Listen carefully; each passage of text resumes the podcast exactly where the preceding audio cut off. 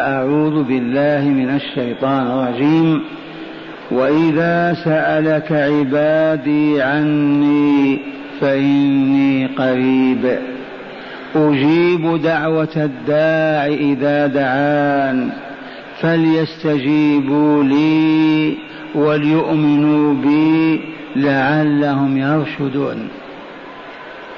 أعيد تلاوة الآية الكريمة.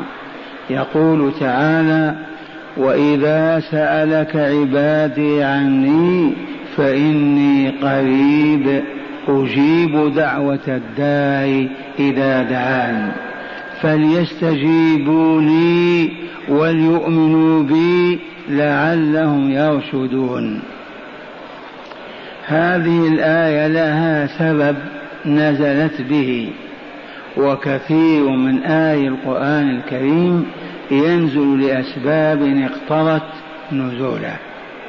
ومعرفة السبب تساعد على معرفة المراد من الآيات التي نزلت لذلك السبب. سبب هذا هو أن بعض الصحابة رضوان الله عليهم جماعة منهم سألوا النبي صلى الله عليه وسلم قائلين أقريب ربنا فنناجيه أم بعيد فنناديه؟ أقريب ربنا فنناجيه أم بعيد فنناديه؟ لأن لأن المناجاة تكون سرية خفية وقد عرفتم المناجاة وحكم الله فيها. إذا تناجيتم فلا تتناجوا بالإثم والعدوان. الكلام السري هو المناجاة. وكان الله يناجي موسى عليه السلام. فإذا كان قريبا منا نناجيه.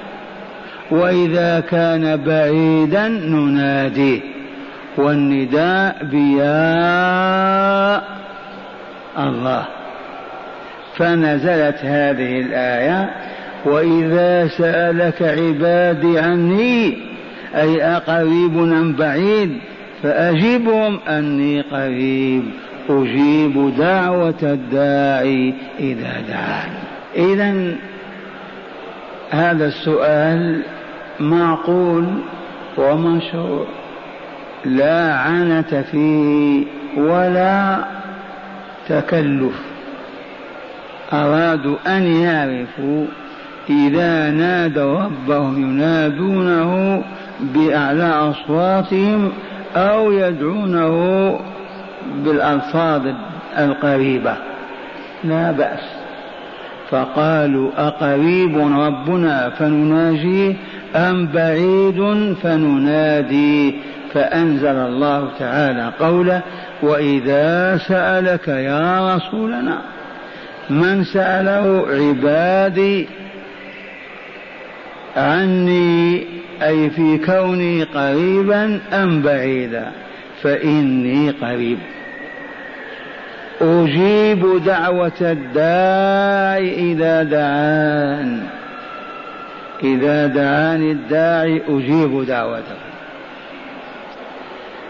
وهنا معاشر المستمعين والمستمعات كثيرا ما أكرر تلك اللطيفة لتعرفوا القرب والبعد. وما قدر الله حق قدره والارض جميعا قبضته يوم القيامه والسماوات مطويات بيمينه سبحانه وتعالى عما يشركون يضع الجبار الأرض في كفه ويقلبها ويقول أنا الملك اين الملوك هذه أخبار النبي صلى الله عليه وسلم التي يتلقاها بالوحي الإلهي. إذا فأين البعد؟ فنحن بين يديه. لو تضع نملة في كفك أنت محيط بها من كل جوانبها. أنت فوقها أنت تحتها أنت عن يمينها عن شمالها لعظمتك وحقارتها. إذا فالله عز وجل والعوالم كلها كهذه النملة بين يديه. فكلنا بين يديه. هل فهمتم هذه الكلمة؟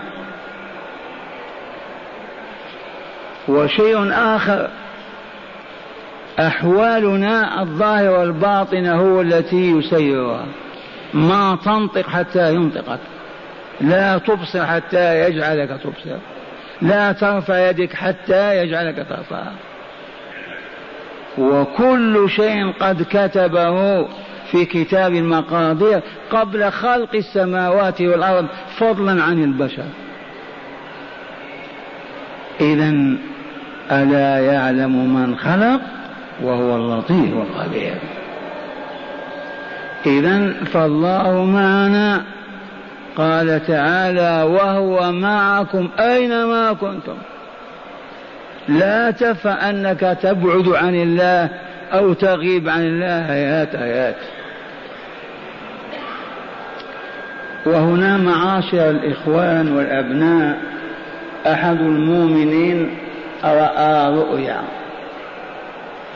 وفيها أن على الشيخ هذا أن يعلم المستمعين والمستمعات الآداب مع الله عز وجل.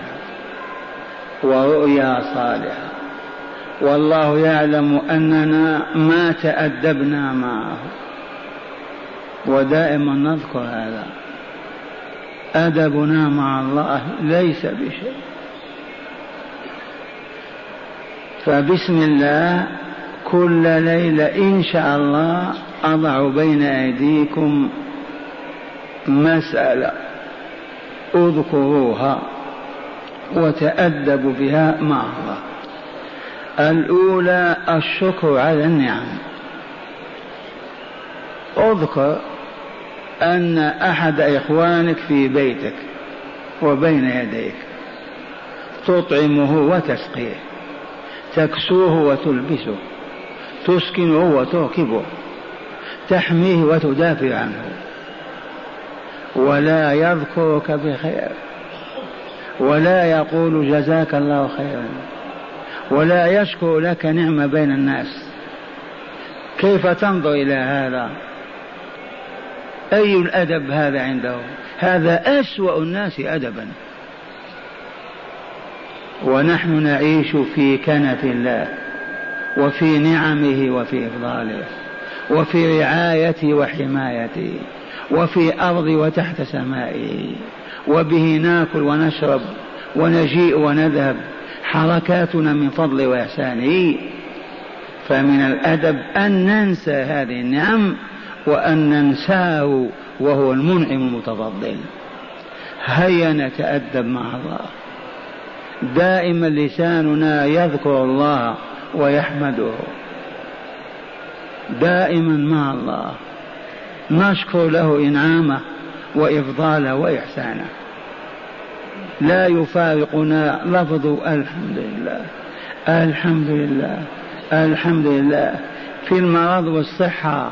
في الجياع والشباع في القيام والقعود في السفر والإقامة في كل حال. الحمد لله.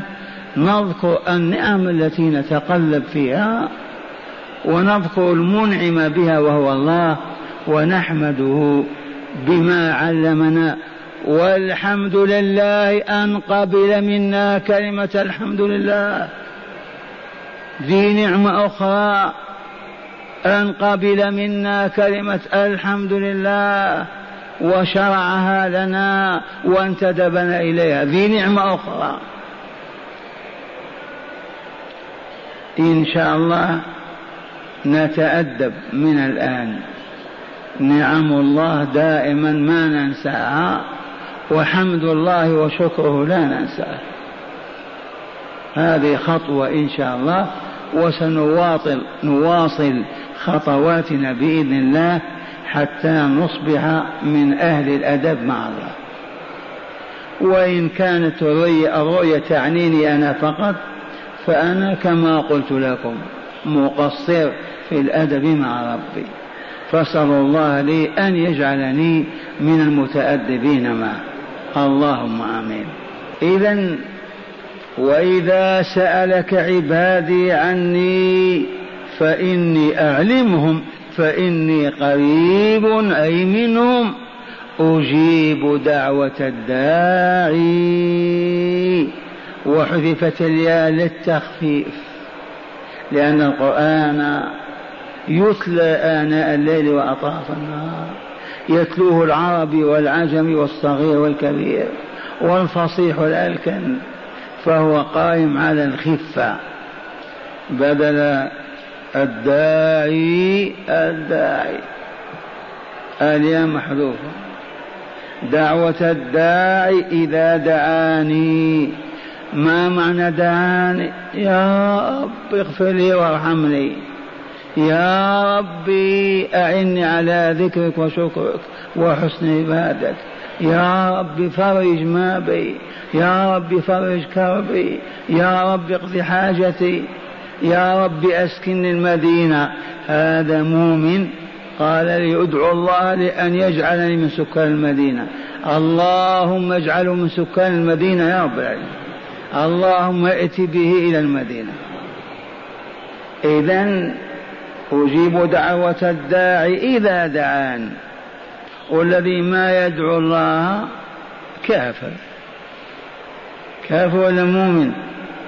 الذي يستغني عن الله تربب وتألى وادعى ربوبية. وإلا كيف يستغني عمن أنفاسه بيده؟ والدعاء والعباء والدعاء هو العبادة. اذكروا قول الرسول صلى الله عليه وسلم الدعاء هو العبادة. والدعاء مخ العبادة في حديث ضعيف لأن المخ في الحيوان هو مقر الحياة. إذا أخذ المخ سقطت البنية. لكن الحديث الصحيح الدعاء هو العبادة. وقد عرفتم يا أهل الحلقة المباركة مظاهر كيف كان الدعاء هو العبادة. أعلمكم هذه للناسين والغافلين والزوار الذين ما يعلمون. أريكم كيف كان الدعاء والعبادة؟ تذكرون ولا تنسون؟ تشاهدونني؟ أعلنت عن فقري. وإذا ما فهمتم؟ الذي يرفع كفيه أعلن عن فقره وإلا لا؟ المتسول يقول هكذا تضع ريال في يده. إذا هذه صورة معناها أن هذا الشيخ فقير محتاج إلى من؟ إلى الله. لو كان غير الله يقضي حاجته ويسد خلة لقلنا هكذا أو هكذا لكن هكذا إلى من؟ إلى من فوق عرشه فوق سماواته. إذا أنا مؤمن بعلو ربي عز وجل وأنه فوق ليس تحت ولا عن يمين وشمال وأنا فقير ومحتاج. ثم يا رب يا رب آه الله يسمعك. إي نعم. أنا مؤمن بأنه يسمع سري ونجواي ولهذا يا رب يا رب يا رب. معناه أنني مؤمن بأن الله الله يسمعني. وأن الله قادر على قضاء حاجتي وإعطاء سؤلي. وإلا ما رفعت أكف إليه. ورابعا لو رأيت في الكائنات من يقضي حاجتي أو يفرج كربي أو يعطيني سؤلي لقلت له. إذا فعميت عن كل المخلوقات ولم أرى إلى الله. فأعطيت قلبي ويدي ولساني وكل وأملي وهذا هو التوحيد. العبادات كلها تعود إلى هذا. فصلوا على أبي القاسم. الدعاء هو العبادة. فلذا أيما إنسان يتجه إلى غير الله ويسأله حاجته إن مسخ ومسح اسمه من ديوان المؤمنين وإن صام وصلى. فالذي يقول يا سيدي عبد القادر يا مولاي يا فاطمة ينادي ميتا وغائبا أعطاه صفات الله من الجلال والكمال وسأله إن مسح ما بقي بمسلم. فهمتم هذه ولا لا؟ لولا يقيننا بأن الله يسمعنا ويرانا ويقدر على إعطائنا الحاجة نسأله نسأل غيره. فالذين يدعون غير الله عز وجل ويرفعون أصواتهم بأسمائهم منادين صارخين هؤلاء لولا أنهم جهل ما علمهم العلماء لقلنا لهم قول غير هذا ولكن نكل أمرهم من الله. وإذا سألك, سألك عبادي عني فإني قريب أجيب دعوة الداعي إذا دعا إذا لم تدعو واستغنيت عن الله وتكبرت لا يجيبك. ما هو في حاجة إليك.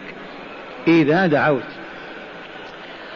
وفي هذا ترغيب في الدعاء وحث عليه وحض عليه. الدعاء لو تظل طول ليلك ونهارك يا رب يا رب أنت في أحسن حال. أكثر من الدعاء. لكن للدعاء آداب. نذكر بعضها في هذا النهر. اسمعوا. اولا الذي يمنع الإجابة وما يجعل الله عز وجل يعطي. السؤال أكل الحرام. أكل الحرام.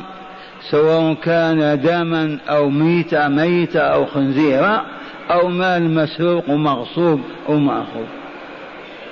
المال الحرام. آكل الحرام محجوب صاحبه عن استجابة الدعاء. عرفتم؟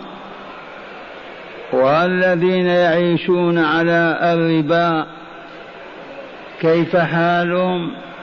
ارحموهم استغفروا لهم ادعوا لهم بالتوبة. ما ترفع لهم دعوة أبدا. ورطهم الجاهلون. وإن قلت ما الدليل على ما تقول؟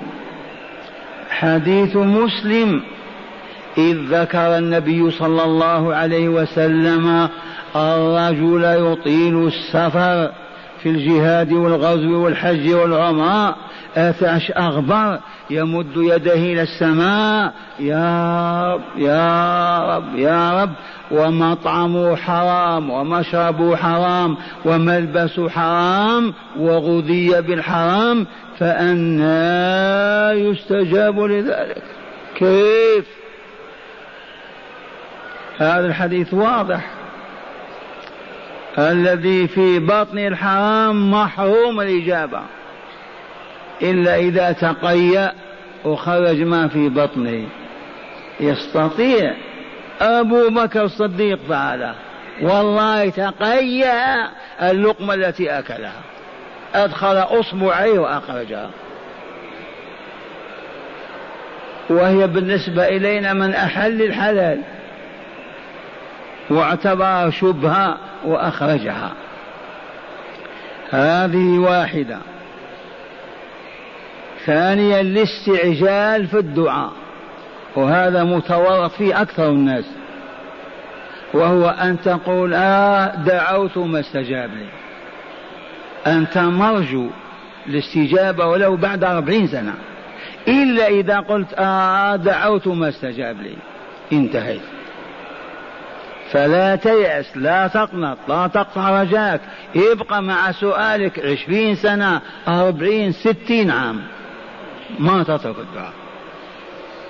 ويستجيب الله لك.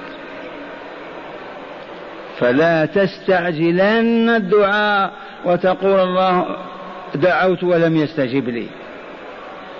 من الآداب. قال على الداعي أن يعزم في دعوته. يطلب اللهم أعطني اللهم أكرمني اللهم افعل بي. كذا. ولا يقول اللهم ارزقني ولدا إن شئت. اللهم أسكنني مدينة نبيك إن رأيت ذلك أو شئت. هذا حرمه الرسول صلى الله عليه وسلم. ثباتم ولا يقول اللهم أعطني كذا إذا شئت. فقد قال رسول الله صلى الله عليه وسلم في حديث البخاري فإذا دعا أحدكم فليعزم المسألة ولا يقولن اللهم إن شئت فأعطني فإنه لا مكره لله أو لا مستكره لله. ما هناك قوة فوق الله؟ تكره الله على أن يعطي أو لا يعطي. اعزم المسألة؟ أعطني اغفر لي أرحمني ارفعني أعزني بلا تردد. هل عرفتم هذه؟ ثالثا يستحب الاصرار بالدعاء. يستحب الاصرار بالدعاء أي يستحب إخفاء الدعاء. ما معنى الإصرار بعدم الجهر. واذكروا قول الله تعالى عن نبيه زكريا وزكريا إذ نادى ربه نداء خفيا. الخفي ضد العلني والجهر وإلا لا؟ فيستحب الدعاء أن يكون خفيا. فلهذا ما ندعو كل ليلة وكل حلقة ندعو فيها عند المناسبة ونستميح الله عذرا. وإلى الدعاء يكون سرا فيما بينك وبين الله عز وجل.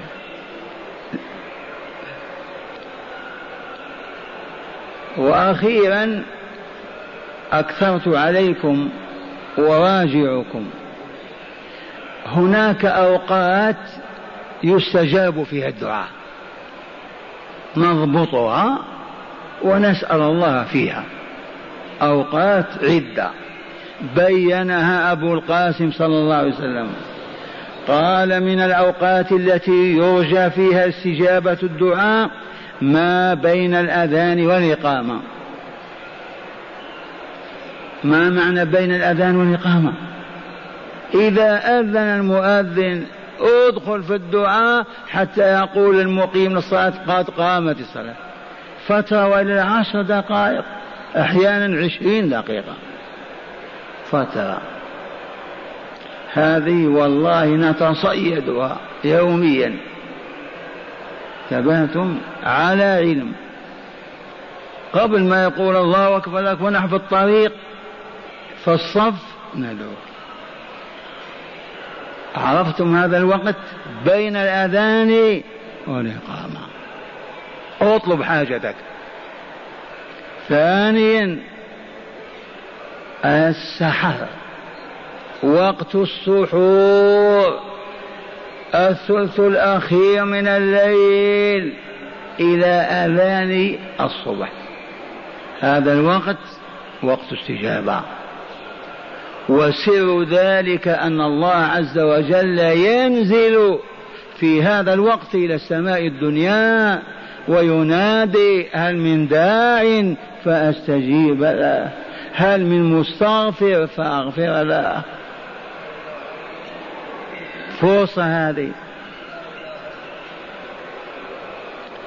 وقت السحر ووقت الفطر أي فطر هذا؟ العيد.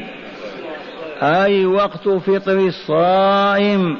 وها أبو عبد العزيز إمام الصائمين في الحلقة.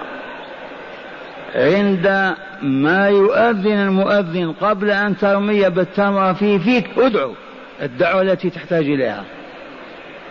ثبات وبعد ذلك أفطر. تحين الوقت. قبل بعد ما يقول الله أكبر الأذان يا رب افعل بي كذا وكذا وكل التمر وإلا شرب الماء. عند الإفطار. إن شاء الله الصائمين يوم الاثنين يدعون لنا بدعوة.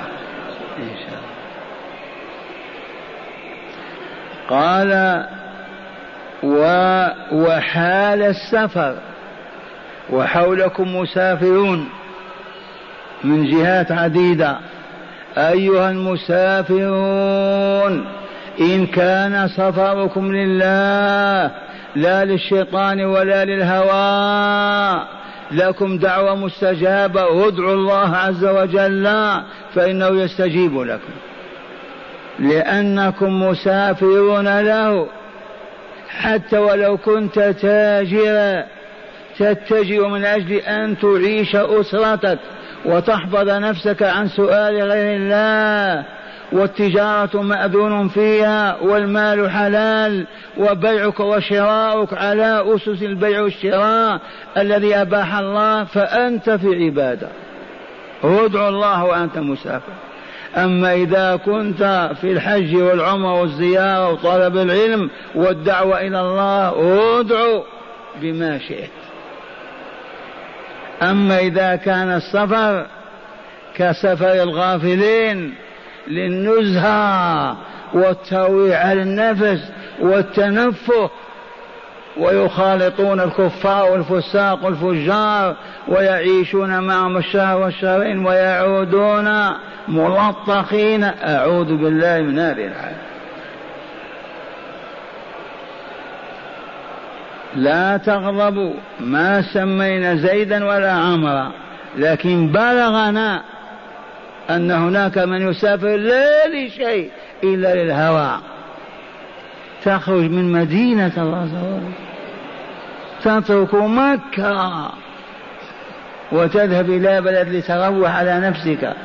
والله إن الذي لا يجد الروحانية في الحرمين ما وجدها في العالم. لو أعطوه أموال بريطانيا ونساء كله والله ما وجد.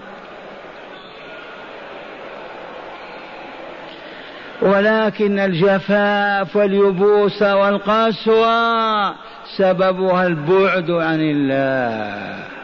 يحاولون كيف يخففوها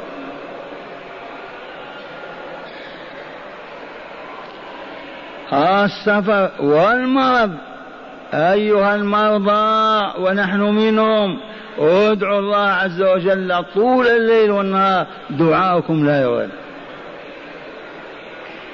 إذا كان المرض ما تسببنا فيه بمعصية الله. ثبتم المرض إذا امتحنك الله وابتلاك ليطهرك ويزكيك. أما إذا أنت شربت الخمر أو علقت السم بيديك. أمر ثاني أنت عاصي لله إذا كان المرض من الله عز وجل امتحانا لك واختبارا حتى الذي يسرف في الأكل والشرب يسرف يسرف حتى يتخم ويمرض. ما يستجاب له. عصى الله عز وجل. قال وفي السجود. هذه سهلة. سهلة. هذه أصعب من الأولى. يضع رأسه الله أكبر يرفع رأسه. سبحان الله ما هي قضية سهلة؟ تعرفون هذا ولا يضع رأسه على ما يعرف حتى سبحان الله أو سبحان ربي الأعلى. يمزجها يخطفها ويرفع رأسه. فإن يسجد. أين يدعو؟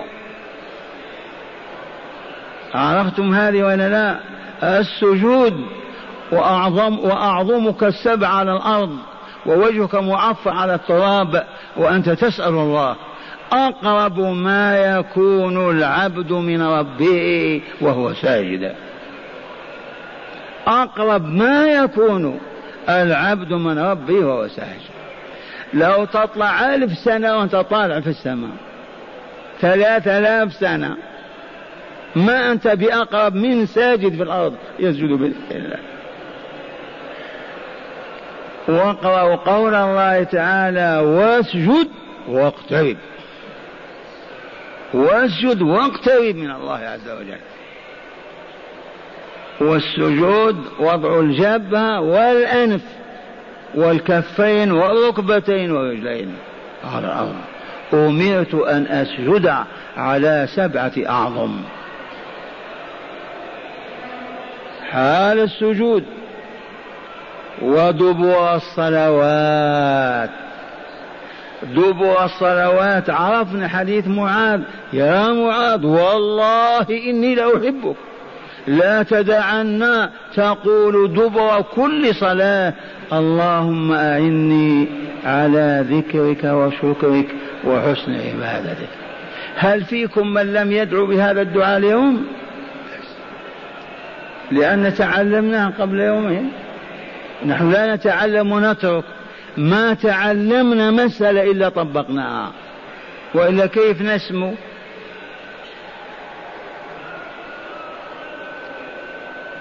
قال وعند اشتداد الكرب من ظلم وغيره. إذا اشتد البلاء وعظم الكرب حال هذه الله معك. ادعو الله عز وجل. إذا ابتلينا بحرب بفتنة بفداء عذاب عدو يعذبنا عند اشتداد الكرب من ظلم وغيره فقد ورد من الأحاديث والآثار ما يصدق هذا ويؤكده.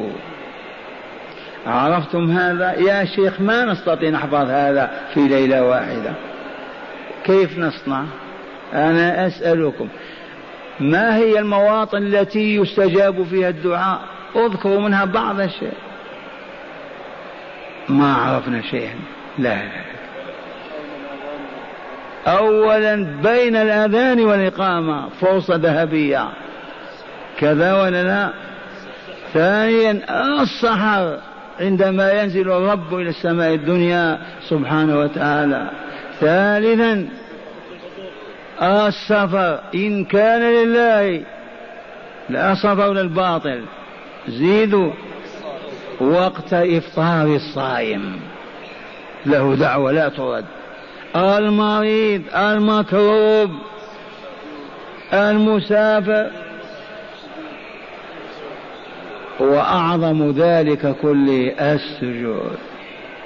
السجود. ودبر الصلوات أواخرها قال منصور عند نزول المطر ما ثبت عندنا. إن صح عندك مرحبا به. قال عند رؤية الكعبة. وأراد عندما ندخل المسجد ونشاهد الكعبة ندعو بدعاء. معينة انتبهتم؟ الشاهد عندنا ليس هذا معنى الإحصاء والإحاطة أبواب الفضل كثيرة. قال والركوع.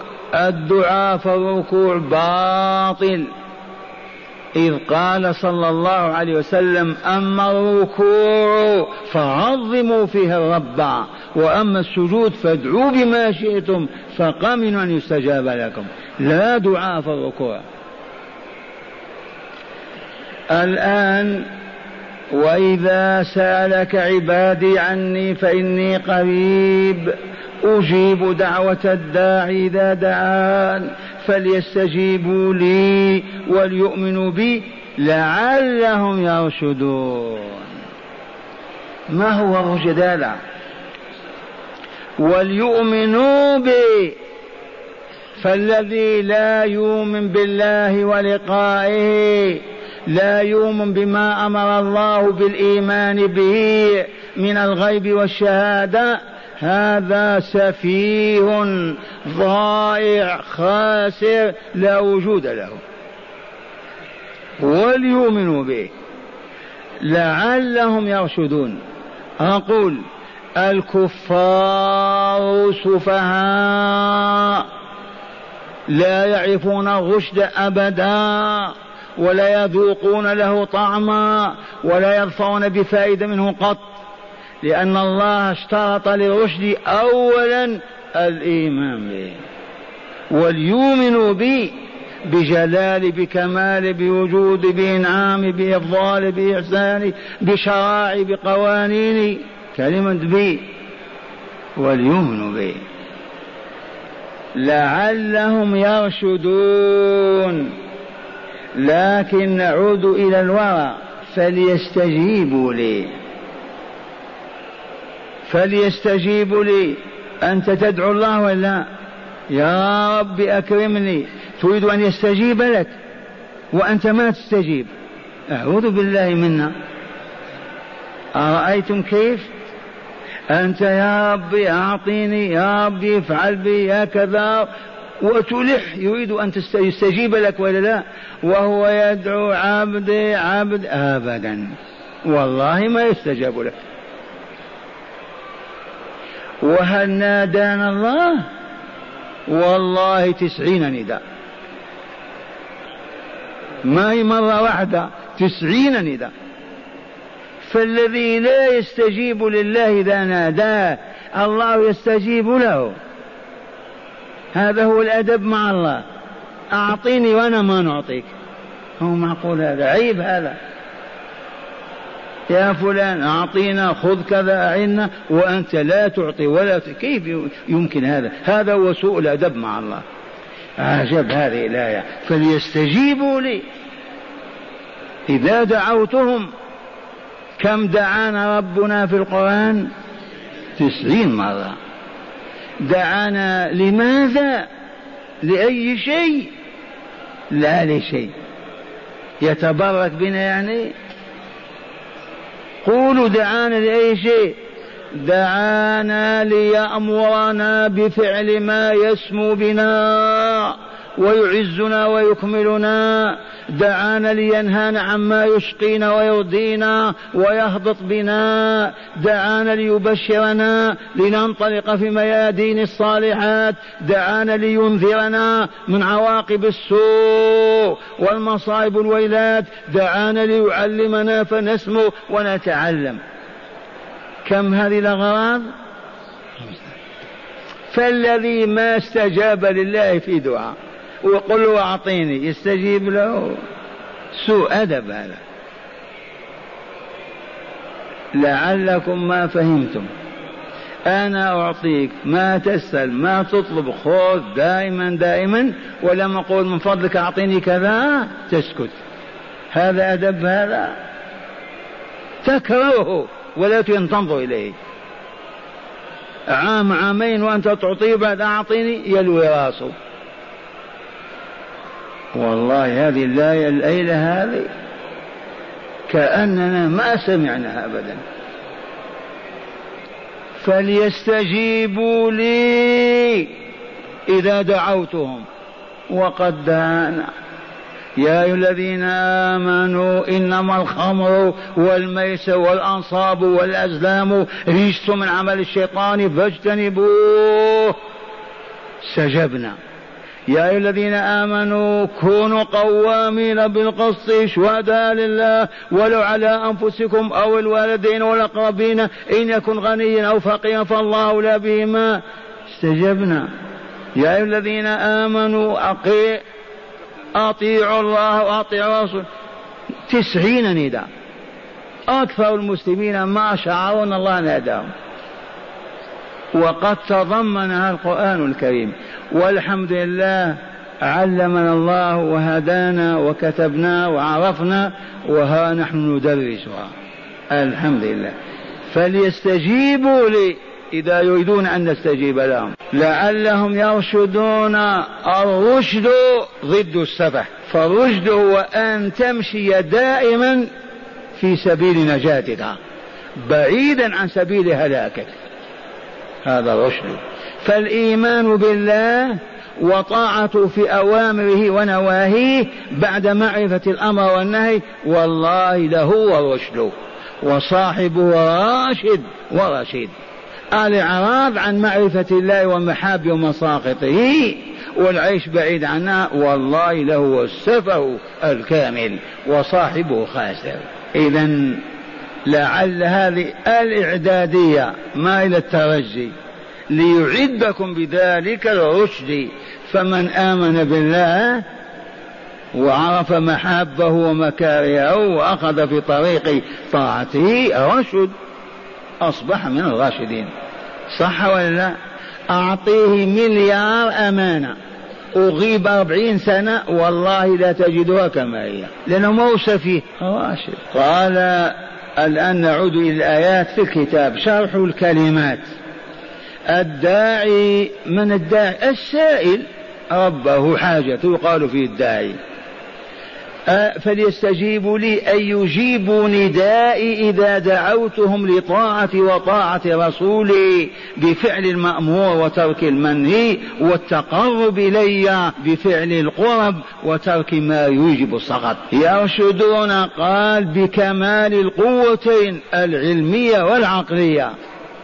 إذ الرشد هو العلم بمحاب الله ومساقطه وفعل المحاب وترك المساقط. ومن لا علم له ولا عمل فهو السفيه الغاوي والضال الهالك. معنى الآية الكريمة. قال ورد أن جماعة من الصحابة سألوا النبي صلى الله عليه وسلم قائلين أقريب ربنا فنناجيه أم بعيد فنناديه فأنزل الله تعالى قوله وإذا سألك عبادي عني فإني قريب أجيب دعوة الداعي إذا دعان. الآية. ومعنى المناجاة المكالمة بخفض الصوت. كذا. والمنادات برفع الصوت. ناجاه كلمه بصوت منخفض. نادى كلمه بصوت عال مرتفع. وإجابة الله دعوة عبده معناها قبول طلبه وإعطاء مطلوبه. وما على العباد إلا أن يستجيبوا لربهم يدعاهم ولا لا بالإيمان به وبطاعته في أمره ونهيه وبذلك يتم رشدهم ويتأهلون للكمال والإسعاد في الدارين الدنيا والآخرة معا قال هداية الآية. كل آية فيها هداية ولا لا؟ إيه نعم. كل آية فيها كل تمرة فيها مادة غذاء ولا لا؟ حبة عنب فيها وإلا لا؟ كيف آية ما فيها؟ والله ما تخلو آية من هداية. قال أولا قرب الله تعالى من عباده. قرب الله تعالى من عباده آه لو كان الله بعيد عنا من يبلغ صوتنا من يرفع سؤالنا يا نكرب وإلا لا؟ لكنه معنا قريب ادعو وأنت مرتاح. قرب الله تعالى من عباده إذ العوالم كلها في قبضته وتحت سلطانه ولا يبعد عن الله شيء من خلقه إذ ما من كائن إلا, إلا والله يراه ويسمعه ويقدر عليه وهذه حقيقة القرب. القرب ما هو؟ أن يسمعك ويقدر على أن يمنعك يعطيك هذا هو القول. ثانيا كراهية رفع الصوت بالعبادات إلا ما كان في التلبية والأذان والإقامة. مطلق العبادات. رفع الصوت بها مكروه. لما ترفع صوتك؟ ما يسمع هو. هذا اتهام له. فهمتم وجه الكراهة ولا لا؟ ما دمت أنت موقن أنه معك ويسمع. لما ترفع صوتك؟ خايف أنه لا يسمعك. فلهذا العبادة كلها يستحب فيها خفض الصوت والمناجاة مع الله. إلا التلبية أذن الرسول بذلك. ارفعوا أصواتكم. لبيك اللهم لبيك حتى تصاب بالبوحة والإقامة والأذان. الأذان لا بد. والإقامة حتى يسمع أهل المسجد. فقط هذه الثلاثة الأذان والإقامة والتلبية. والتلبية المؤمنات لا هذا خاص بالفحول الرجال. أما أم سعيد لبيك اللهم لا لا لا, لا. يجوز أو لا يجوز؟ يجوز هي تغني. وترقص كيف ما يجوز؟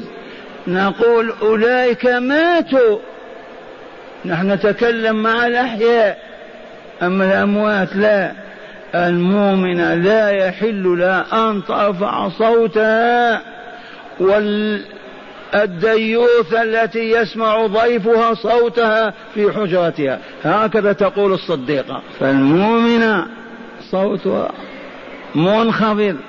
فكيف تلبي بصوتها؟ ثالثا وجوب الاستجابة لله تعالى بالإيمان وصالح الأعمال. أما دعانا ما قال فليستجيبوا لي رابعا الرشد في طاعة الله والغي والسفى في معصية الله. أين يوجد الرشد؟ في طاعة الله أين يوجد السفة؟ في معصية الله وصف السفي الذي يشرب الخمر ولا لا؟ وينفق أمواله في الباطل و هذا هو السفه.